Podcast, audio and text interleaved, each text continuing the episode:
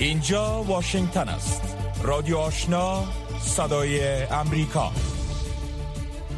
با عرض سلام و وقت بخیر شنوندگان گرامی خوش آمدید به برنامه خبری این ساعت که با میزبانی من سهر ازمی و همکارم میرویس رحمانی برای شما ترتیب میشم. نخست توجه شما جلب می‌کنم به مشروع اخبار افغانستان منطقه و جهان از همکارم میرویس رحمانی. سلام شنونده های عزیز. شام بخیر. کمیشنری عالی سازمان ملل متحد در امور پناهندگان یا UNHCR از ادامه توقیف و اخراج مهاجرین افغان توسط تاجکستان ابراز نگرانی کرده و خواستار توقف بازگشتاندن اجباری پناهجویان افغان از آن کشور شده است. این کمیشنری وقت روز پنجشنبه با نشر بیانیه هشدار داد که بازگشتاندن مهاجرینی که به دلیل اذیت و آزار از کشور خود فرار کرده اند یک اقدام غیر قانونی بوده و این کار زندگی آنان را با خطر مواجه می سازد. این اداره ملل متحد گفته است که در تازه ترین مورد تاجکستان سه روز پیش پنج مهاجر افغان به شمول سه کودک و مادرشان را با وجود مداخله کمیشنری عالی ملل متحد در امور پناهندگان از طریق بندر پنج پایان در جنوب این کشور به افغانستان بازگرداند. الیزابت تان مسئول حفاظت بین المللی کمیشنری عالی ملل متحد در امور پناهندگان گفته است که این اداره از تاجکستان می خواهد که بازداشت و اخراج پناهجویان را متوقف کند او افزوده که بازگرداندن اجباری پناهجویان خلاف قوانین مهاجرت و در مغایرت با اصل عدم اخراج است سرگی شویگو وزیر دفاع روسیه گفته است که کشورش در واکنش به وضعیت افغانستان آمادگی های رزمی را در دو پایگاه نظامی خود در تاجکستان و قرقزستان افزایش می دهد. تفصیل بیشتر را از قدیر مشرف میشنویم. بر اساس خبرگزاری تاس روسیه آقای شویگو در نشست وزرای دفاع کشورهای عضو سازمان همکاری های شانگای همچنان گفت که مسکو قصد دارد تا آمادگی های سایر نیروهای خود را نیز در پاسخ به وضعیت بحرانی افغانستان افزایش دهد. وزیر دفاع روسیه گفت که افزایش فعالیت گروه های دهشت افغان چون داعش و شبکه القاعده در افغانستان تهدید جدی برای امنیت آسیای میانه است. این مقام ارشد حکومت روسیه اضافه کرد که تقابل مسلحانه در افغانستان هنوز ادامه دارد و وضعیت اجتماعی و اقتصادی در این کشور در حال بدتر شدن است. وزیر دفاع روسیه همچنان افزود که در حال حاضر روند تحمیل تفکر افرادگرایی دینی در افغانستان در جریان است. روسیه روابط نزدیک با گروه طالبان ایجاد کرده اما مسکو هنوز طالبان را یک سازمان دهشت افغان تلقی می کند و حکومت طالبان را به رسمیت نشناخته است. قرار است مقام های ترکیه امروز با مقام های فنلند و سوئیدن به خاطر بحث روی نگرانی های امنیتی انقره ملاقات کنند. ترکیه که عضو ناتو است گفته تا زمانی که فنلند و سوئیدن به نگرانی های امنیتی انقره رسیدگی نکند اجازه پیوستن این دو کشور را به ناتو نخواهد داد. ترکیه در اواخر ماه جون در نشست سران اعضای ناتو با فنلند و سوئیدن در مورد رسیدگی به نگرانی های امنیتی خود یک تفاهم نامه امضا کرده بود. پیکا هاویستو وزیر خارجه فنلند گفت که در ملاقات امروز طرفین روی ایجاد تماس ها و تعیین اهداف به خاطر همکاری در آینده بحث خواهند کرد. فنلند و سویدن به دنبال تهاجم روسیه بر اوکراین برای کسب عضویت ناتو درخواست دادند اما ترکیه تا اکنون با پیوستن این دو کشور به ناتو مخالفت کرده است در ادامه سرازیر شدن سیلاب ها در پاکستان امروز ارتباطات ایالت بلوچستان با سایر بخش های این کشور قطع شد. تفصیل بیشتر را از رویا زمانی مشنویم مقام ها در پاکستان گفتند که سرازیر شدن سیلاب های بی سابقه در اثر ریزش شدید باران چند هفته ای بیش از سی میلیون نفر را در این کشور متاثر ساخته و منجر به تخریب زیرساخت ها و قطع ارتباطات بخش های پاکستان شده است. حکومت پاکستان خواستار کمک های جامعه جهانی به خاطر رسیدگی به آسیب دیدگان سیلاب های اخیر در این کشور نیز شده است. سیلاب هایی که تا کنون جان بیش از 900 نفر را در آن کشور گرفت گرفته است. اداره مخابرات پاکستان امروز در حساب تویترش نگاشته است که ریزش شدید باران و سرازیر شدن سیلاب کیبل های فایبر نوری در کویتا مرکز ایالت بلوچستان و سایر شهرهای این ایالت را آسیب رسانده است. این در حال است که مقام ها در ایالت بلوچستان شبکه های مواصلاتی هوایی زمینی و خطوط آهن را نیز به دلیل سرازیر شدن سیلاب ها به حالت تعلیق درآورده بودند. جوزف او وزیر خارجه تایوان می‌گوید که تمرینات نظامی اخیر چین منجر به افزایش همبستگی کشورهای جهان با تایوان شده است. آقای جوزف امروز گفت که این تمرین های نظامی همچنان متحدین تایوان را مصممتر ساخته تا از این جزیره بازدید کنند.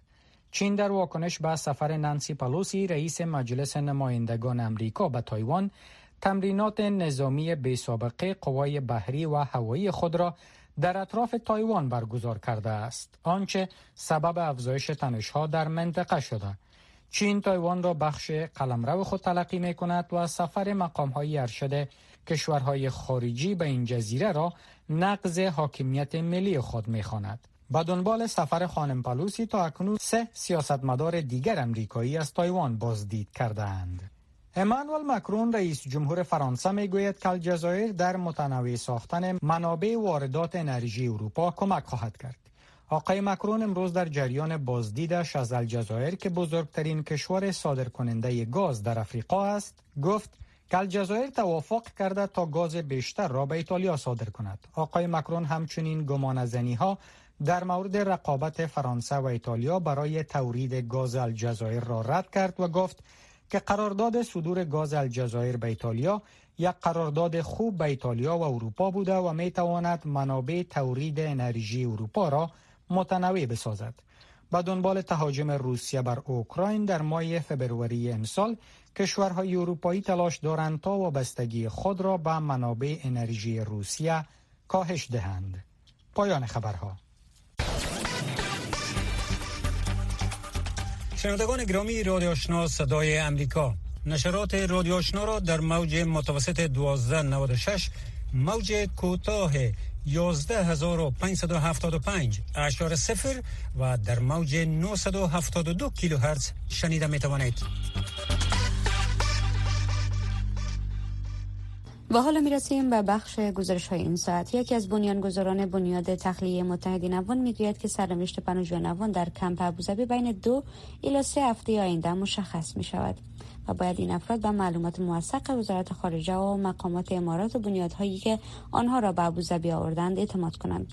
از دو روز به این سو شماری از پناهجویان که در پروسه تخلیه به ابوظبی منتقل شدند در اعتراض بر روند کند انتقالشان دست به مظاهره زدند همکارم ژیلا نوری با شماری از پناهجویان صحبت کردند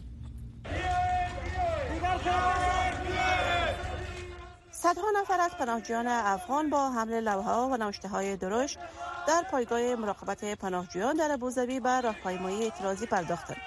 و خواهان توجه و رسیدگی سریع به وضعیتشان و انتقال آنها به سایر کشورها شدند. و گفته پناهجویان افغان این کم میزبان هزاران پناهجوی افغان برای اسکان مجدد به ایالات متحده و کشورهای سومی می باشد این پناهجویان در همکاری با برخی از بنیادهای غیر انتفاعی با پروازهای تجارتی و اجازه وزارت خارجه امریکا در پروسه تخلیه به ابوظبی منتقل شدند و برخی بدون اسناد هستند که پروسه انتقال آنها را دشوار ساخته است. باید یک موضوع درباره مهاجرین کمپ ابوظبی واضح شنیده شود که هیچ فردی در کمپ ابوظبی در هرج و مرج به یا پروازهای نظامی میدان هوایی کابل انتقال داده نشدن. همه افراد و فامیلایی که اینجا انتقال داده شدن طی یک برنامه شفاف یک پروسه کلیر انتقال داده شدن که همه تانستن ثابت کنن که زندگیشان به خطر است و از خطر جانی رنج می‌برن اگر بوده باش در افغانستان داشته باشن مشکل کلان مهاجرین این است که از آغاز برشان پیام رسانی می‌شد که شما هم قریب تخلیه میشین. ولی آخرین بار برای ما گفته شد که در ماه آگوست به صورت کامل از کم تخلیه میشین. که در حال حاضر هنوز هیچ عمل در این رابطه صورت نگرفته و تعداد زیاد هنوز باقی هستند سفارت امریکا در ابوظبی به پرسش صدای امریکا در مورد سرنوشت این پناهجویان پاسخ نداده است. در میان یکی از بنیادهایی که در تخلیه متحدین افغان داخل بوده و به نام افغان وک یاد می شود می‌گوید که پروسه اسکان مجدد متوقف نشده است و از سرنوشت این افراد بین دو الی سه هفته آینده مشخص خواهد شد. نخست از همه کسی به افغانستان برگشتاندن نخواهد شد دوم این که به خاطر رسیدگی به وضعیت این پناهجویان فعالیت های دیپلماتیک ادامه دارد تا راه برای آمدن آنها به امریکا و سایر کشورها باز شود. بنیاد افغان ایوک برای رسیدگی به این پناهجویان فعالیت می کند و یک سوم این افراد به امریکا منتقل شدند به دلیل اینکه پروازهای مستقیم از ابوظبی به امریکا نمی رود به این معنا نیست که آنان به امریکا نمی آیند آنها از اینجا به کشورهای سومی قبل از رسیدن به امریکا منتقل می شوند و در جامعه جدید تا زمانی که پروسه اسکان مجددشان تکمیل گردد باقی می مانند. بین افغان هایی که در کمپ ابوظبی گیر ماندن شمار از متحدین افغان و واجدین ویزه اسایوی یا ویزه خاص مهاجرت برای ترجمان های افغان هستند که با حکومت امریکا و اردوی امریکا و سایر بنیادهای خارجی در افغانستان کار کردند مقامات امارات متحده عربی می‌گوید آنها برای این پناهجویان افغان که با آمدن طالبان از جانب امریکا و متحدین آن در پروسه تخلیه به این کشور آورده شدند اقامت مقعد داده است. و امروز از همه اقشار که مردم رنج دیده افغانستان که اینجا با مو تیاره های چارتر شده که توسط وزارت خارجه امریکا اینا انتقال داده شدن که همشان وکیلا هستند نظامی ها هستند خبرنگارا هستند فعالای مدنی هستند اینا کسایی هستند که واجد شرایط هستند ولی که بیتفاوتی صورت می‌گیره در مقابل سرنوشت از اینا و مرور به پرونده های از اینا ایره هیچ کس نمی‌فهمه و تا هنوز امریکایی ها و دیگه سفارت های کشورها کدام پاسخ هم ارائه نکردن. بابت از او امروز مردم خواستن که ای بار تا ای که سرنوشتشان مشخص نشه به تظاهراتشان به ادامه بدن. طی پروسه تخلیه حدود 12 هزار افغان در کمپ ابوظبی و یک کمپ نزدیک آن منتقل شدند. امارات متحده عربی مانند سایر کشورهای حوزه خلیج مهاجرپذیر نیست. مقامات امریکایی گفتند کسانی که واجد شرایط باشند به ایالات متحده انتقال داده خواهند شد اما سایرین در کشورهای سیومی جابجا می‌شوند و افرادی که ماها در انتظار از کار مجدد هستند مجبور به برگشت به افغانستان نخواهند شد تلویزیون آشنا دریچه شما و سوی جهان نه تنها در صفحه تلویزیون بلکه در صفحه اختصاصی فیسبوک تلویزیون آشنا. در وبسایت دری با آدرس voanews.com دری. در یوتیوب با آدرس voa افغانستان دری. و در صفحه اینترنتی تویتر. تلویزیون آشنا در هر زمان و هر مکان پیوند دهنده شما با جهان. ترکیه در حالی که مسکو تحت تحریم های غرب قرار دارد در حال تعمیق روابط تجارتی با روسیه است. ناظران سیاسی میگن که رجب طیب اردوغان رئیس جمهور ترکیه می‌تواند به حمایت روسیه برای کمک به کاهش مشکلات اقتصادی فزاینده ترکیه تکیه کند. زیرا در سال آینده انتخابات ریاست جمهوری در پیش دارد. گزارش دوریان جونز از استانبول را از عبدالواجد عادل بشنوید. کمک روسیه در ساخت کره هسته‌ای در ترکیه دلیلی بود که مسکو برای انتقال اخیر 5 میلیارد دلار به ترکیه آن را عنوان کرد و گزارش ها حاکی از آن است که طی چند هفته آینده 10 میلیارد دلار دیگر نیز به ترکیه خواهد رسید. تزریق پول برای رئیس جمهور رجب طیب اردوغان یک تقویت خوشایند است که می تواند به کمپاین او برای انتخاب مجدد در سال 2023 کمک کند چون این کشور با کاهش نرخ لیره و تورم نزدیک به 80 درصدی مواجه می باشد. تیموتی آش از مدیریت دارایی بلوبی می گوید By helping Russia uh, get around با کمک به روسیه برای نادیده گرفتن تحریم ها ترکیه می تواند دریافت های کلیدی بیشتر از پرداخت ها را از این طریق به دست آورد که به حمایت از لیره کاهش تورم و پیروزی او در انتخابات خواهد انجامید. اردوغان برای حفظ روابط نزدیک خود با ولادیمیر پوتین از اجرای تحریم های غرب علیه روسیه خودداری کرده است. در اوایل ماه جاری در تفرجگاه سوچی بحیر اسیا دو رهبر در مورد توسعه بیشتر روابط تجارتی گفتگو کردند. ترکیه واردات تیل روسیه را از زمان حمله به اوکراین در سال جاری دو برابر کرده است. علیگارش های روسی حامیان پوتین با این فهم که مقامات ترکیه تلاش برای تصرف های تفریحی آنها نمی کنند به توقف دادن هایشان در ایستگاه های کشتی ها در ترکیه ادامه می دهند. تحلیلگران می‌گویند اردوغان به یک متحد ارزشمند پوتین تبدیل شده است ماریا شاگینا از مؤسسه بینالمللی مطالعات استراتژیک می‌گوید Turkey has de facto became a black knight to Russia. In academic literature that means ترکیه عملا به یک شجاع سیاه تبدیل شده است. در ادبیات اکادمیک این به معنای دولتی است که حاضر است به یک کشور تحریم شده کمک کند. کم از کم برای کاهش تحریم ها و اینجاست که روسیه ترکیه را به این نظر می بیند که می تواند از نظر توسعه روابط اقتصادی روسیه در زمینه فرار شرکت های غربی از این کشور مفید باشد. ترکیه و سازمان ملل متحد قراردادی برای صادرات غلجات اوکراینی با بازارهای جهانی میانجیگری کردند و عملیات صادراتی آن در استانبول است. اردوغان مدعی اعتبار این توافق است و می‌گوید این تنها به دلیل روابط نزدیک او با پوتین امکان پذیر بود.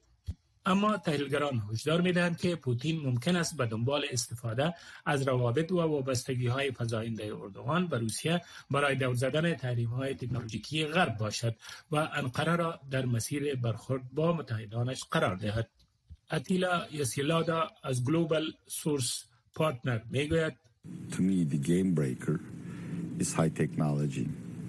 If I understand it correctly, both in civilian برای من تکنولوژی پیشرفته برنده میدان است. اگر من آن را به درستی درک کرده باشم چه در ساحه غیر نظامی و چه در نظامی روسیه از تکنولوژی عالی که واقعا به خطوط عرضه آنها ضربه می‌زند محروم است. و اگر از شرکت های ترکی برای واردات ممنوعه آن استفاده شود گمان می کنم این کلمه اقلام ممنوعه برای صادرات مجدد به روسیه باشد که بازی را تغییر می دهد و ترکیه تحریم می شود با توجه به وضعیت ضعیف اقتصاد ترکیه تحریم ها تحلیلگران هشدار می‌دهند. باعث ایجاد یک بحران مالی ویرانگر خواهد شد. در این حال تحلیلگران می‌گویند اردوغان شرط خود را روی روسیه بسته است به این امید که تجارت و حمایت روسیه اقتصاد کشور را پیش از انتخابات سال آینده احیا کند.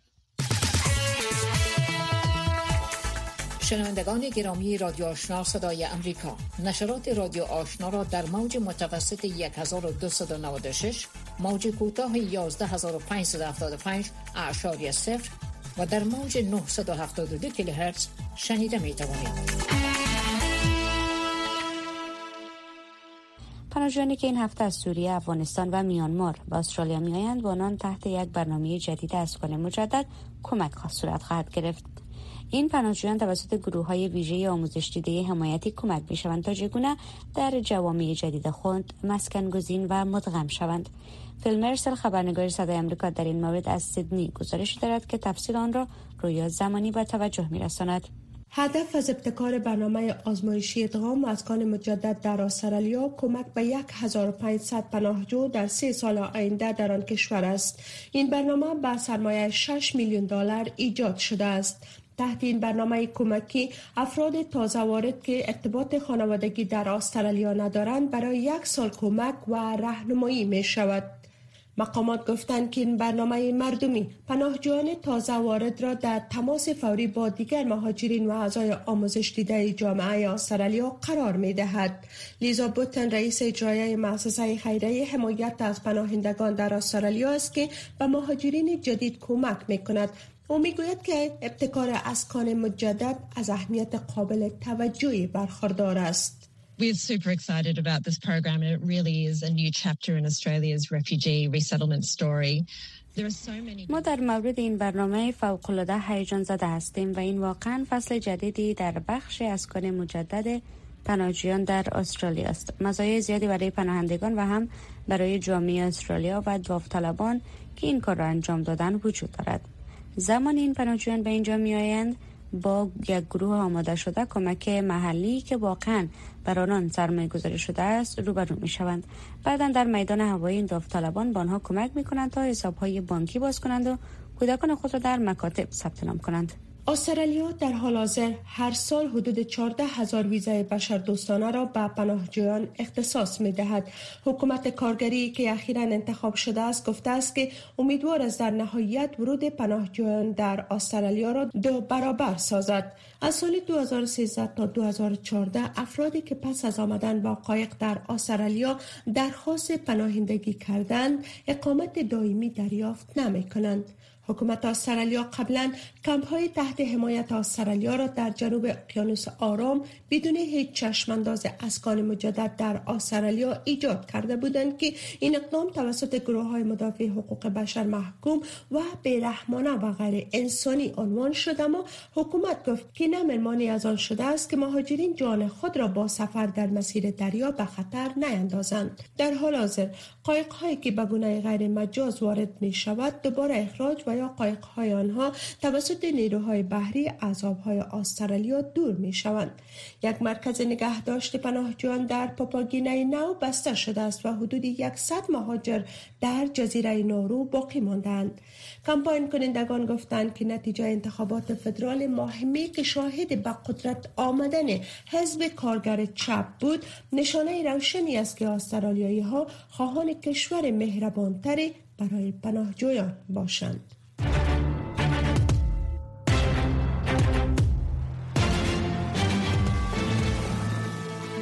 روکو راست. صحبت های داغ صاحب نظران و نظریات شنوندگان در مورد خبرها و مسائل روز هر شام از ساعت 8 تا 9 شب در برنامه مشترک دری و پشتوی رادیو آشنا صدای امریکا.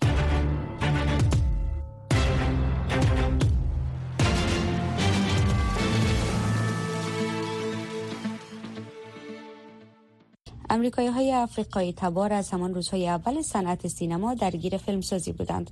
نمایشگاه جدیدی در موزیم اکادمی تصاویر متحرک و بررسی تاریخ پرجنب و جوشی می‌پردازد که بسیاری از آن فراموش شده است. گزارش مایک سالویان از لس آنجلس را من سهر عظیمی تقدیم می کنم. یک فیلم کلاسیک از سال 1898 یک زوج سیاپوس را در حال بوسیدن نشان می دهد. این فیلم پنج سال پیش دوباره کشف شد. در این فیلم با دیگر بخش های از فیلم اولیه نمایش داده می شود. این نمایش بخشی از نمایشگاه بازسازی سینمایی سیاپوستان بین سالهای 1898 تا 1971 است. در موزیم اکادمی تصاویر متحرک مکان نمایش فیلم جامعی است که سال گذشته افتتاح شد و به گفته مسئولان موزیم این نمایشگاه داستان مهمی را روایت می کند. جکلن استوارد رئیس موزیم اکادمی تصاویر متحرک می گوید ما واقعا می‌خواستیم زمان و فضا را صرف کنیم تا به مردم نشان دهیم که هنرمندان سیاه پوست چقدر درگیر فیلمسازی بودند. در این آثار می‌بینید نگاه هنرمندان و فیلمسازان سیاپوستی را که در هالیوود با تبعیض مواجه بودند اما بخش بزرگی از صنعت بزرگی بودند و تولیدات متعددی داشتند ریا کومه دستیار صحنه در این موزیم است تولیدات فیلم مستقل عمدتا برای مخاطبان امریکایی افریقایی تبار توسط شمار فیلمسازان امریکایی افریقایی تبار تولید می شد. اکثر فیلم ها با بودجه کم و در ژانرهای مختلف فیلم برداری شدند. دوریس برگر همکار روی صحنه است و می‌گوید ما فیلم های کاوبای داریم ما فیلم های ماجراجویی و درام ها داریم این فیلم ها در سراسر ایالات متحده ساخته شدند. در آن استعدادهای ملی به نمایش گذاشته شده می شوند همچنین صداها از دهه 1940 به نمایش گذاشته می شوند فیلم های کوتاهی که درون jukebox های فیلم نمایش داده می شوند که نوازندگان و رقصندگان سیاپوست را به نمایش می گذارد برخی از نوازندگان سیاپوست مانند برادر نیکلاس در صحنه موسیقی به خوبی شناخته شده بودند. فیل رابنسن هنرمند کنسرت و چهره تاثیرگذار در صفحه بزرگ هالیوود تبدیل شد و در دهه 1960 فیلم های بیشتری در حال بررسی مسائل نژادی بودند. هفت روز هفته با رادیو آشنا صدای امریکا و فوزیه کوفی نماینده پیشین پارلمان افغانستان می‌گوید که طالبان تنها جنگ بلدند و با طرز حکومتداری اصری هیچ بلدیت ندارند. خانم کوفی که عضو هیئت مذاکره کننده جمهوریت نیز بود در مصاحبه با همکارم ژیلانوری حکومت طالبان را به عدم پاسخگویی به ملت نیز متهم کرد. وضعیت افغانستان به همه معلوم است. از نظر ما چیزی که مهم است که طالبان جنگ را خوب می‌تونن به جنگ بلد هستن اما شیوه حکومتداری را بلد نیستن یا هم اونایش که به اصطلاح حکومت بودن در گذشته در حکومت طالبان اونا کسایی بودن که شیوه حکومتداریشان به شیوه حکومتداری امروز نیست. طرز فکر از اونا از حکومت اصلا یک طرز فکر به اصطلاح ارائه خدمات و برنامه و در خدمت مردم بودن نیست. اونا حاکمیت فکر می‌کنن که حاکمیت مال خداوند است مال الهی است که با اونا رسیده و اینا نماینده خداوند هستند طرز دید حکومت اسلامی که اونا دارن نمیز بران اونا هیچگاه به قرارداد اجتماعی بین ملت و بین از اونا باور ندارن. فکر نمی‌کنن که در برابر آنچه که انجام میتن یک مکلفیت دارن یک مسئولیت دارن به نزد مردم. به این خاطر است که در یک سال گذشته کارهایی که صورت گرفت در افغانستان مخصوصا از نقص حقوق بشری از فقر حتی در موارد از فساد مسئولیت وجود نداشت. مسئولیت پذیری نبود پاسخگویی نبود. مثلا به عنوان مثال چند نمونه از مثال ها رو خدمت شما میگم. وقتی دخترایی که معترض بودن بندی شدن تا یک ماه کسی مسئولیت نمیپذیرفت که اینا را کدام اداره طالبا برده و در کجا اینا زندانی شدن؟ یعنی حس پاسخگویی نبود. چون اینا باور ندارن به که به مردم پاسخگو باشن. از طرف دیگه در سطح منطقه و سطح بین‌المللی هم طبیعتا که پیشرفت زیاد طالبا نداشتن. اگرچه بلاک شرق و بلاک غرب آل تقریبا در روابط خود در طالبا تقسیم شدن طالبا بیشتر متکی به مناسبات خود به چین و به روسیه و به کشورهای منطقه هستند بازی جان شما یکی از کسایی بودین که در مذاکرات دوحه شرکت داشتین. چون مذاکرات نتیجه نداد و سقوط کابل بدون هیچ نوع مقاومت صورت گرفت. نظر شما در مورد چی است؟ در مورد سقوط افغانستان ما امضای توافقنامه دوحه در 29 فوریه با گروه طالبان و تنزیل موقف امریکا از یک موقفی که اینا فکر می‌کردن که با طالبا در جنگ هستند و طالبا شریکشان نیست یا به اصطلاح طالبا را به حیث دشمن خود فکر می‌کردن تنزیل موقفشان با حالتی که طالب را به حیث شریک خود فکر می‌کردن در توافق نامه که بین طالبا و امریکایی امضا شد قرار به شد که دیگه هیچ نیروی امریکایی در افغانستان کشته نشد تا زمان خروجشان. و به هیچ نیروی امریکایی یا خارجی حمله صورت نگیره. در حالی که ما شاهد بودیم که مردم زیادی در افغانستان هم از نظامی و ملکی دمی مدت از زمان امضای توافقنامه که فوریه 2020 بود تا به سال که کابل سقوط کردیم تا یک سال بیشتر از یک سال مردم زیادی ملکی و نظامی از مردم خود ما تلف شدن شهید شدن کشته شدن. من فکر می‌کنم این عامل خارجی که امضای توافقنامه بدون دخیل ساختن دولت و نظام افغانستان در پروسه امضای توافقنامه بین امریکا و طالبان از طرف دیگه عوامل داخلی که من یک بخشش اشاره کردم بعد از او ضعف خود رهبری حکومت افغانستان انحصار قدرت در دست دو سه نفر آوردن افراد بیریشه و اینا را در رأس قرار دادن و اکثر مردم مقصد برای محلی به خود توهین می‌دانستند که وقتی می‌دونن که زمام امور در دست کسایی است که اونا به هیچ وجه نشایستگی دارن نه شهرت نیک دارن اینا عواملی بود که از همپاشی نظام به شکل تدریجی انجام شد و به یک بارگی بعد از فرار رئیس جمهور در تاریخ 15 اگست متاسفانه که همه چیز از هم پاشید. با وجود رهبری طالبان در افغانستان که از یک سال از اون میگذره تا کنون حکومت را شمول تشکیل ندادن یک لوی جرگه هم که برگزار کردن به خاطر اتحاد بین اعضای خود گروه طالبا بود. زمان امنیت هم به خاطر عملات داعش بدتر شده است. فکر می‌کنین با این رفتاری که طالبا با مردم دارند با حکومتداری یا رهبری خود در کشور چی رقم ادامه خواهد ما جدا نگران وضعیت افغانستان به حیث یک کشور و یک جغرافیا هستم. نگران مردم افغانستان هستم نگران مردم خود هستم. به دلیل از که از یک طرف معلومدار قوت, قوت گرفتن داعش در افغانستان از طرف دیگه گسترش جنگ هایی که در ولایت مختلف هست از طرف دیگه حضور گروه های بنیادگرای نظامی از کشورهای آسیای مرکزی از مثلا جنبش انصارالله تاجیکستان تحریک اسلامی ازبکستان به می شکل جنبش ترکستان شرقی. اینا همهشان در افغانستان فعلا در مناطق مرزی بین افغانستان و کشورهای آسیای مرکزی فعالیت می‌کنن. و طبیعتا که پیروزی طالبا اونا را هم انگیزه داده و الگو قرار گرفته طالب پیروزیش. برای موفقیت از اونا. اینال افغانستان مانده به طالبه که با حکومتداری بلد نیست. فقط آنچه که معتقد از فشار مردم است با تامین ارتباطات با مردم معتقد نیست. با ساختن یک حکومتی که مبنی بر اراده مردم باشه معتقد نیست. به شمولیت مردم در نظام به شکل بنادار و به حیث شریک سیاسی معتقد نیست. و من فکر می‌کنم همه از عوامل باعث از این میشه که افغانستان وضعیتش بدتر شود.